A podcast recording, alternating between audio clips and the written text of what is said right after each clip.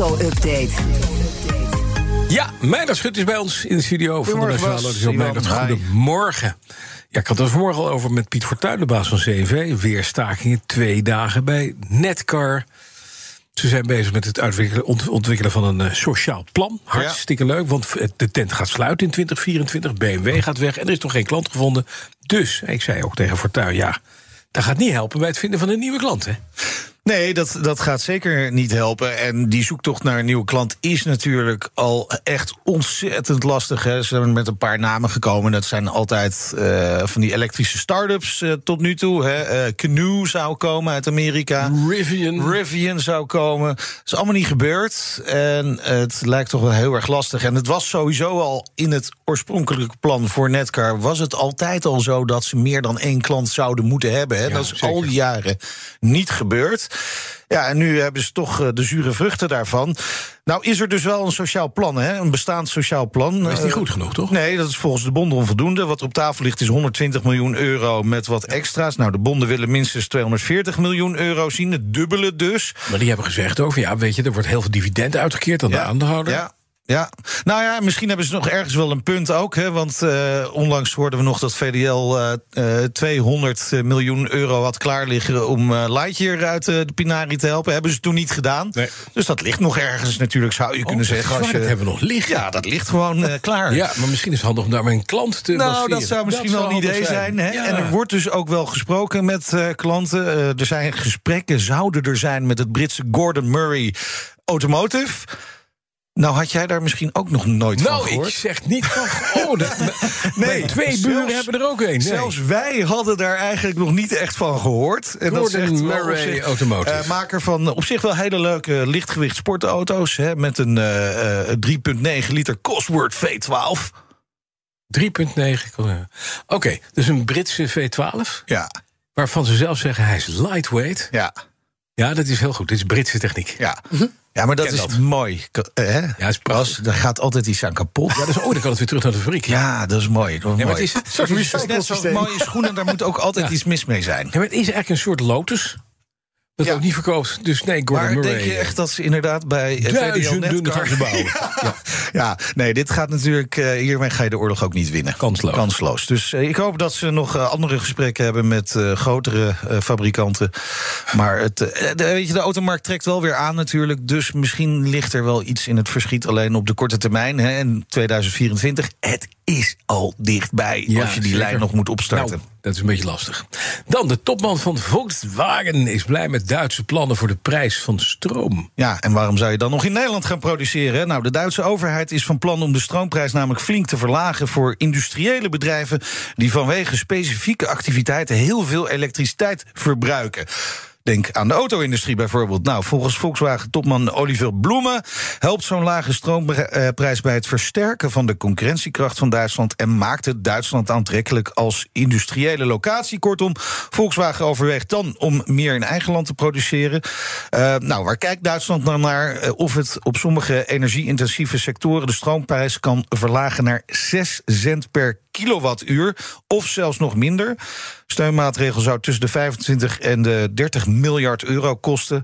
Duren tot 2030, dus dat is echt wel een lange termijn. Mhm. Ter vergelijking, Duitse MKB-bedrijven betalen nu zo'n 27 cent per kilowattuur. Dus het is echt wel een enorm verschil. Zo, nou zeg. En, en in Nederland hoor je dus juist uh, de verhalen om, dat, om daarmee te stoppen. Hè? Met, met dat soort uh, ja, uh, prijsverlagingen voor, ja, voor ja, grote industriële bedrijven. Ja.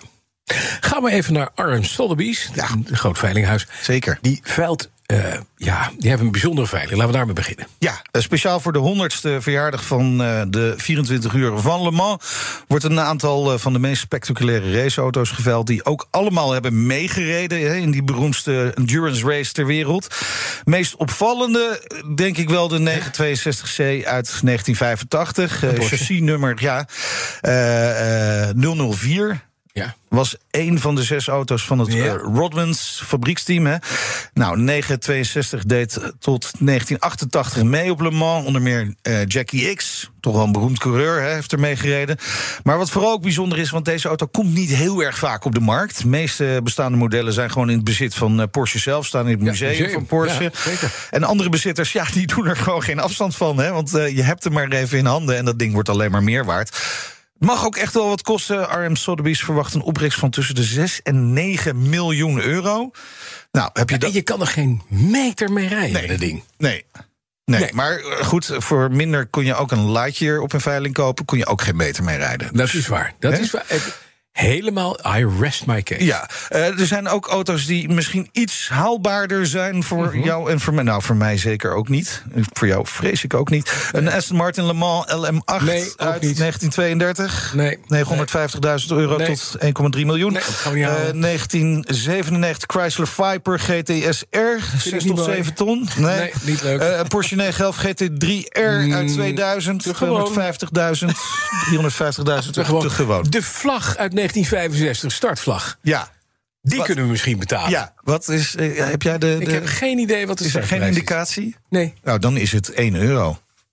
Ah, kunnen we meedoen. Ja, we kunnen in ieder geval mee. Hebben we in ieder geval ooit iets Nou, om mee te wij doen. zitten aan de knoppen. 9 juni is eh, de veiling. Heel fijn. Ja. Dankjewel, Meijert. De Oh, nee. auto-update wordt mede mogelijk Ik, ik, ik vergeet iets heel ergs. Want Steve Wozniak, Oeh. die staat ook weer. Ja, dat is de medeoprichter van Apple. Ja. En die, eh, die is niet zo lief voor Elon Musk en Tesla. I admire some things that he's done for the world, changing us towards electric cars, but um, gets shadowed by a lot of other things. And he uh, basically got a lot of money from myself for a car. I believe things he said that a car would drive itself across the country by the end of 2016. Oh, I had to upgrade to that model, you know, fifty thousand dollars, and then it wouldn't do anything. I could tell it wouldn't ever make it across the country. And he said, "Here we have a new one with eight cameras, it'll make it across the country by the end of 2017." I actually believed those things, and it's not even close to reality. And boy, if you want a study of of AI gone wrong and taking a lot of claims and but trying to kill you every chance it can, get a Tesla. Dit zei die. Hij kan er nog om lachen. die op CN. Ja, en ook heel veel mensen daar in de studio die moesten toch wel even lachen. Dus eh, hij zegt: ja, als je wil zien hoe eh, AI fout gaat en, een- En je wil dood? en je wil ja, dat die auto echt elke mogelijkheid aangrijpt om jou dood te maken. Koop een Tesla. Hij klaagt een beetje over de hoeveelheid geld die hij er zelf aan uit heeft gegeven. Nou hoeft Steve Wozniak niet heel erg te klagen, Nee, denk ik, over eh, zijn eh, bankrekening. Maar andere mensen die dat wel kochten, inderdaad, dachten we gaan autonoom. Autonoom is een ja, droom. droom. Ik heb het altijd al gezegd. Dankjewel, Meijert. De auto-update wordt mede mogelijk gemaakt door Leaseplan. Leaseplan. What's next? Bij BNR ben je altijd als eerste op de hoogte van het laatste nieuws. Luister dagelijks live via internet. Jelle Maasbach. Wesley Weert. We zijn er voor je met het leukste, opvallendste, maar natuurlijk ook het belangrijkste nieuws. Tijdens de presentatie van die halfjaarcijfers toen die beurskoers in elkaar kukkelde. BNR Beurs. Voor de slimme belegger. Blijf scherp en mis niets.